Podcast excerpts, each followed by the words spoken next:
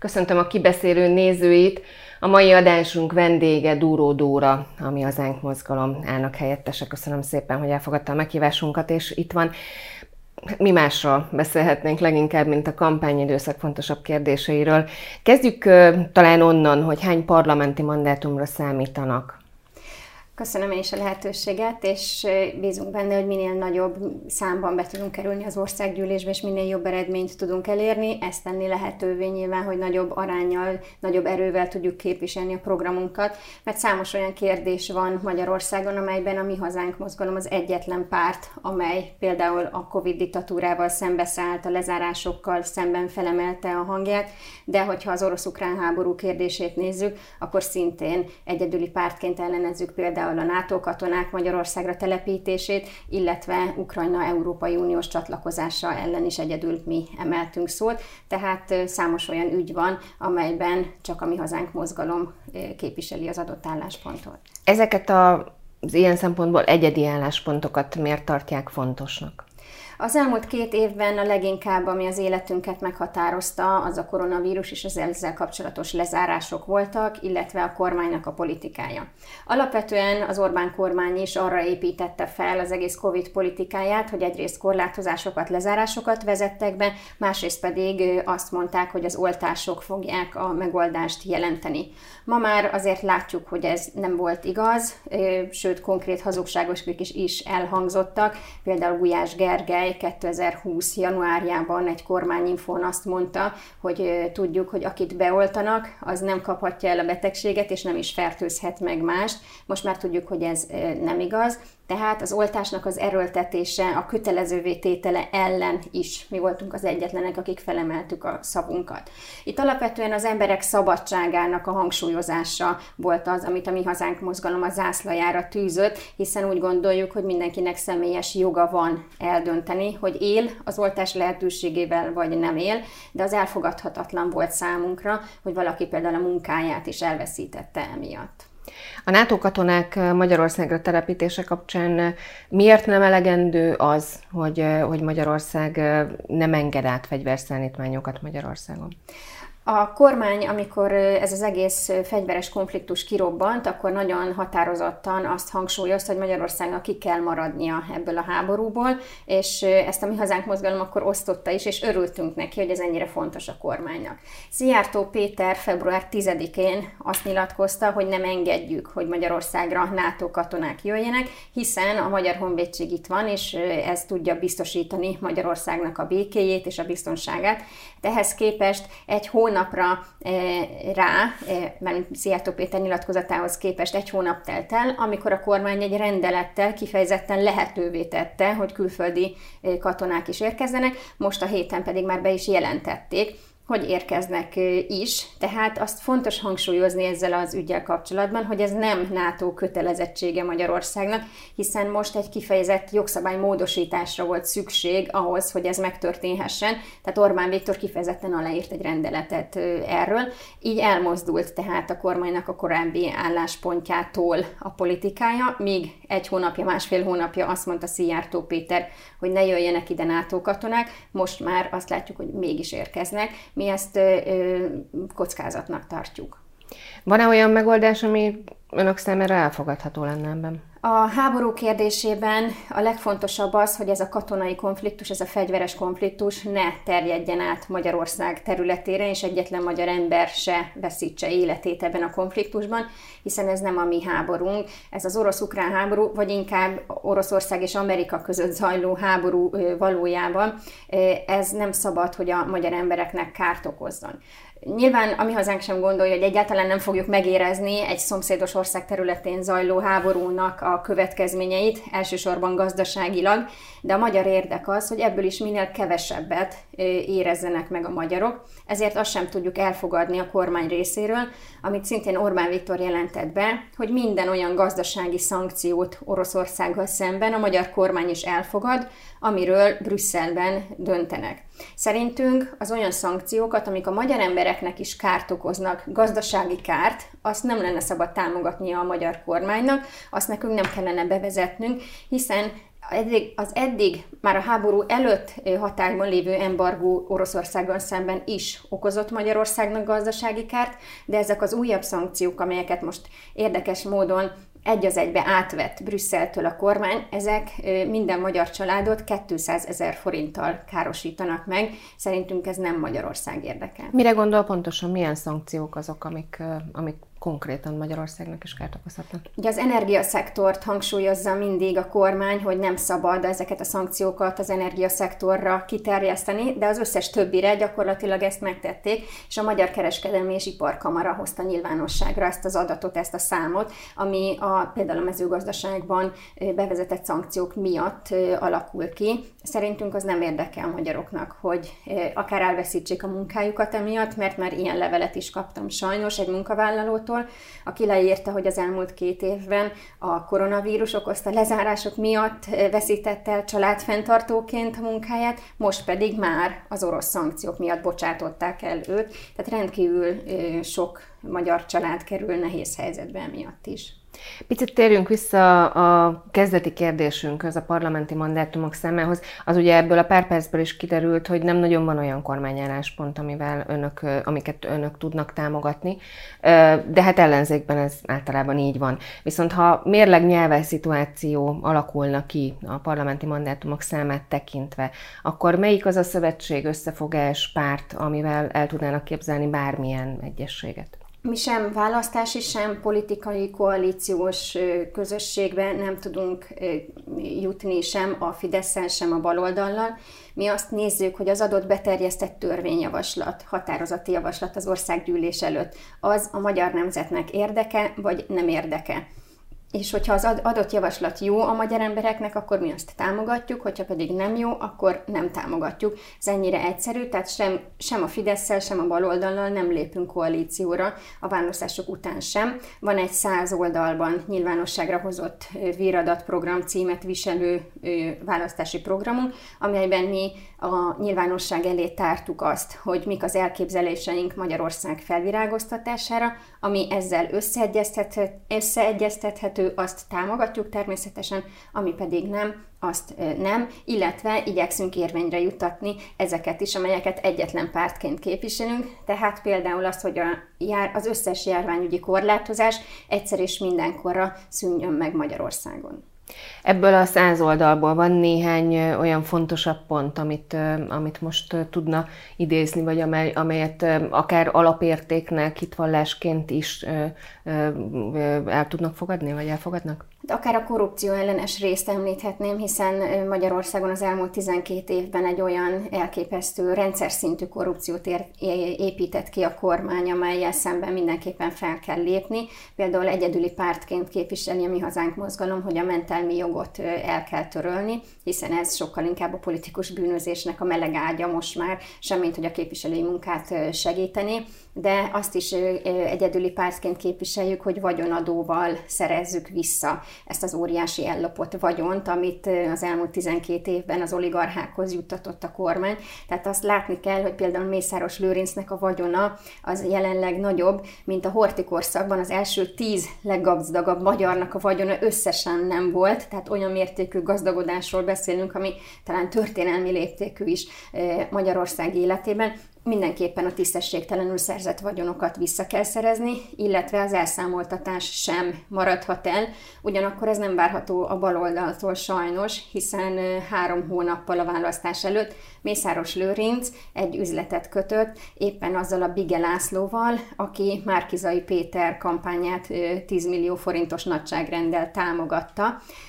Ennek az üzletnek a keretében Mészáros Lőrinc előre készpénzben kifizetett 10 milliárd forintot Bige Lászlónak, tehát a, a Fidesz legnagyobb oligarchája kifizetett ekkora összeget Márkizai Péter legnagyobb oligarchájának három hónappal a választás előtt, ami egy baránköztársaságokba illő jelenet, ez mégis megtörtént Magyarországon. Tehát az elszámoltatásnak az csak úgy képzelhető el, hogyha a mi hazánk mozgalom megkerülhetetlen elő, erő lesz a Mình Mi kell ahhoz, hogy megkerülhetetlen elő, legyen? Hát minél magasabb támogatottság, amelyet a fiatalok körében már hál' Istennek sikerült elérnünk, hiszen egy friss felmérés mutatja, hogy az első szavazók körében nem hogy a parlamenti küszöb fölött, de 13 százalék a mi hazánk mozgalom támogatottsága, ami rendkívül örvendetes. Ugyanakkor óriási cenzúrával is kell küzdenünk Magyarországon, hogyha például a főbb politikai tévés rádió műsorokat nézzük,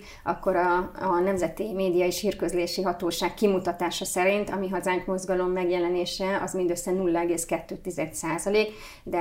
Ezen az arányon próbálunk most javítani. Köszönöm szépen a lehetőséget, de a köztévében például teljesen 0 százalék hónapok óta a megjelenési lehetőségünk, illetve a közösségi médiában is óriási cenzúrával kell szembenéznünk, hiszen ugye a pártelnökünknek a 207 ezer követővel rendelkező oldalát egyik pillanatra a másikra letörölte a Facebook, azóta is perben állnak, az eléréseinket korlátozzák, a pártunk oldalát, amelynek 80 ezer követője volt, szintén letörölte a közösségi média, tehát számos olyan hátrány ér minket, amelyel meg kell küzdenünk. De említhetném azt is, hogy most a kampányban, amikor állami kampány támogatást kaptunk, és egy újságot szerettünk volna eljutatni az emberekhez, akkor a Fideszhez köthető terjesztő cégek még azokat szórólap terjesztőket is megfenyegették, akik velünk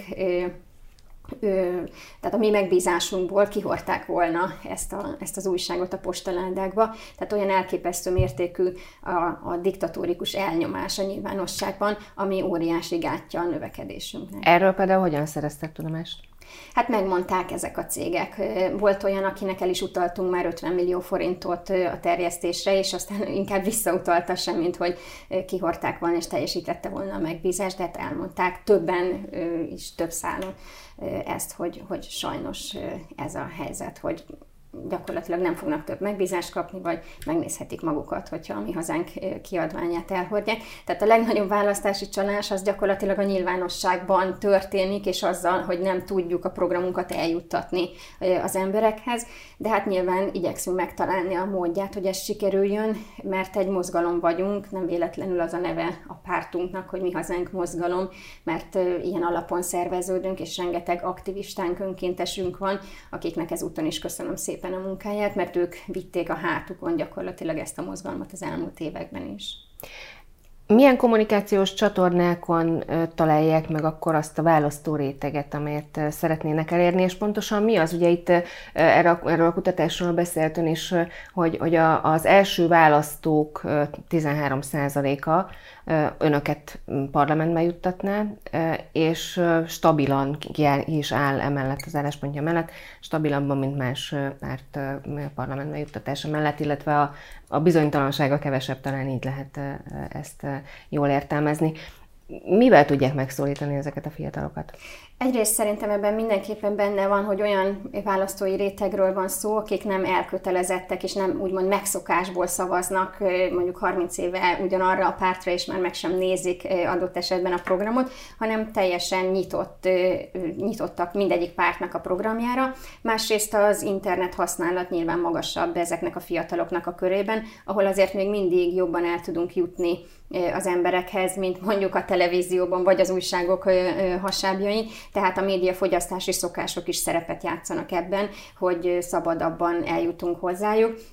Igyekszünk azért a közösségi média lehetőségeit kihasználni, így is, hogy óriási cenzúrával nézünk szembe, és ez a Facebook tiltás a pártelnökünk esetében azt eredményezte, hogy egy rendhagyó módon egy óriási, már 150 ezer követővel rendelkező YouTube csatornát épített fel, ahol óriási megtekintés számmal bír, tehát 25 millió megtekintés fölött jár már, tehát ezek azok a csatornák, ahol, ahol azért igyekszünk minél több embert elérni. Az orosz-ukrán háborúról készített tényleg rendhagyó és tényfeltáró videója több mint 600 ezer megtekintésnél jár most már, tehát azért sikerül valahogyan eljutni ezekhez a fiatalokhoz elsősorban, de tudomásul kell azt is vennünk, hogy nagyon sok olyan ember van, olyan választó van, aki nem internetezik, vagy nem használja minden nap akár a közösségi médiát, ő hozzájuk sokkal nehezebb eljutnunk. De hogyha parlamenti párt leszünk és frakciónk lesz, akkor nyilván új kapuk fognak megnyílni előttünk. Azt gondolom a pandémiás időszak is nyitott egyfajta kaput nem csak önöknek nyilván, hanem minden kommunikációval foglalkozónak, nyilván a politikai kommunikációnak is, hiszen gyakoribbak lettek az online sajtótájékoztatók, az emberek is jobban várják, vagy, vagy másképp várják már az internetes tartalmakat, és másképp figyelik. Beszéljünk egy kicsit még a parlamenti helyekről, illetve a választókörzetekről, hogy melyek azok a területek, ahol leginkább győzelemre számítanak. Vannak polgármestereink, akik egyéni képviselőjelöltként is indulnak, és ők már egyszer legalábbis a saját településükön győzni tudtak. Nyilván a pártelnökünk Torockai László egyéni választókerületében számítunk a legjobb eredményre ő már ott Ásodhalmon többször is megmutatta, hogy, hogy sikerre tud vezetni egy közösséget. Az ő polgármesteri munkájának a legnagyobb elismerésének egyébként én magam azt tartom, hogy amikor ő átvette a település vezetését, akkor az Ásodhalmi óvodásoknak a száma az 70 volt, 70 gyermek járt oda óvodába, most pedig már 114. És úgy gondolom, hogy egy olyan vezető, aki lélekszámában gyarapodást tud felmutatni az adott településén, az mindenképpen egy óriási elismerés, hiszen épp a fiatalok azok, akik azt mondják, hogy mernek gyermeket vállalni, és szívesen költöznek oda, nevelik ott a gyermekeiket, mert látnak jövőképet, és ez a legfontosabb visszajelzés szerintem.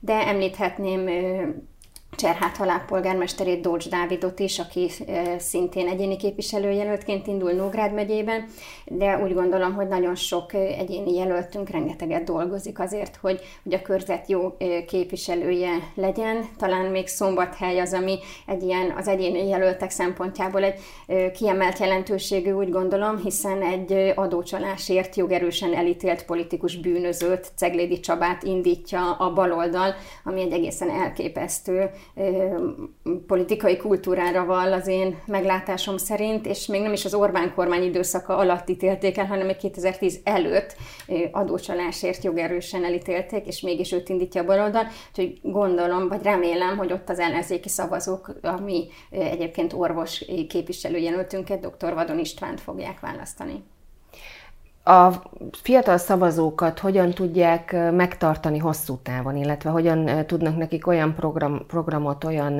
jövőképet, ahogy ön fogalmazott, nyújtani, akár a politizáláshoz, vagy a pártpolitizáláshoz, vagy akár csak magánemberként, szavazóként, amely, amely hosszú távon bázisuk lehet.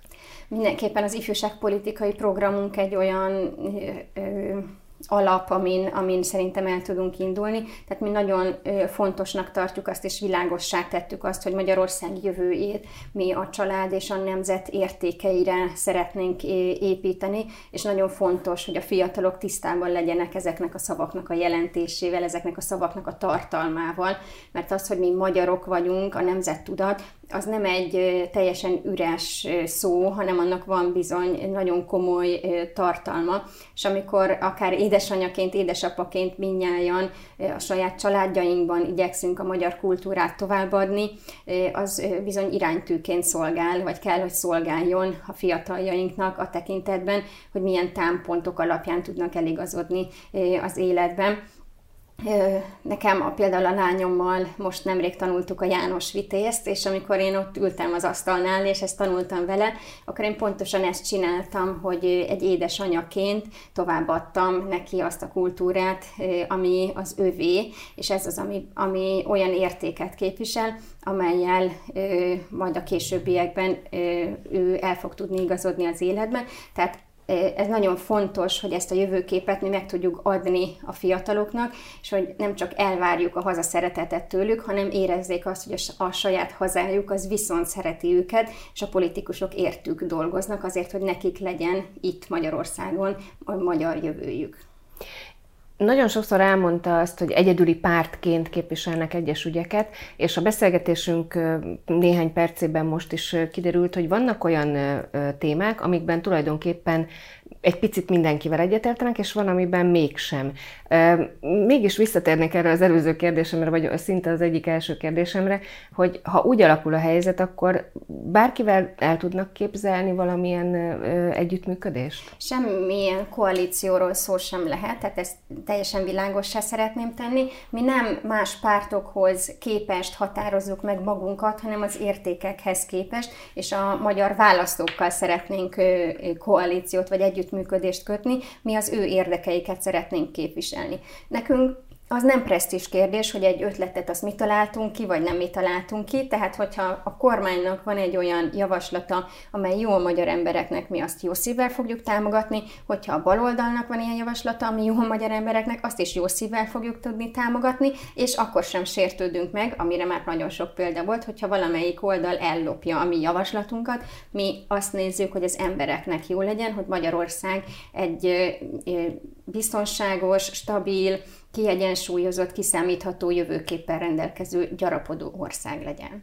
Milyen eredményen lennének elégedettek? Hát az 50% plusz egyen, vagy kétharmaddal, ahogy tetszik. A realitásokat nézve pláne hogyha figyelembe vesszük, hogy hogyan alakult meg a Mi Hazánk mozgalom, ugye a Jobbik párt szakadásakor jött létre, illetve azt, hogy mi gyakorlatilag állami támogatás nélkül működő párt vagyunk, tehát összesen lehet hasonlítani a mi lehetőségeinket a többi parlamenti párt lehetőségeivel, akkor én úgy gondolom, hogy a parlamentbe jutás az is már egy óriási eredmény lesz a részünkről, és új távlatokat fog nyitni.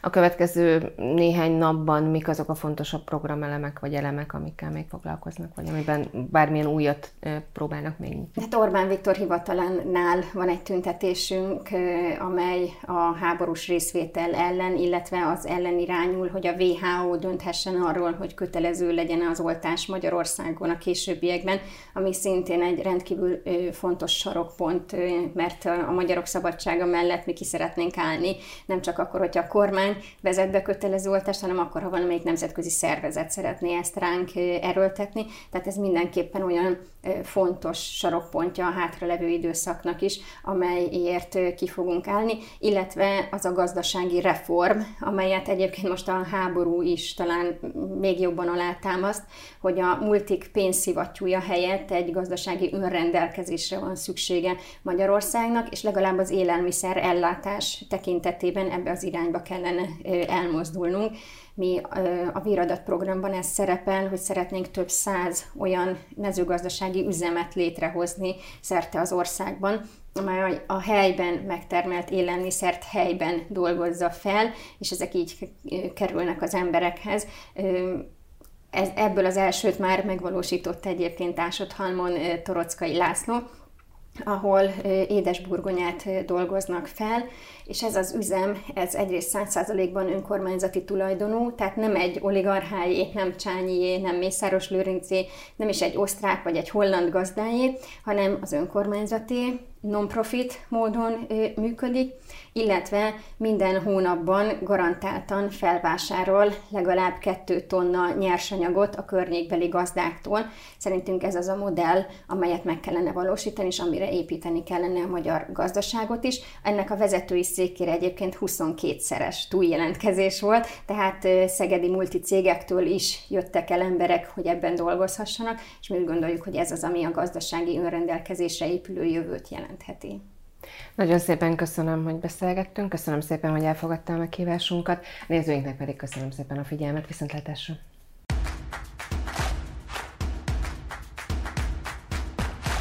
A műsor a Béton partnere.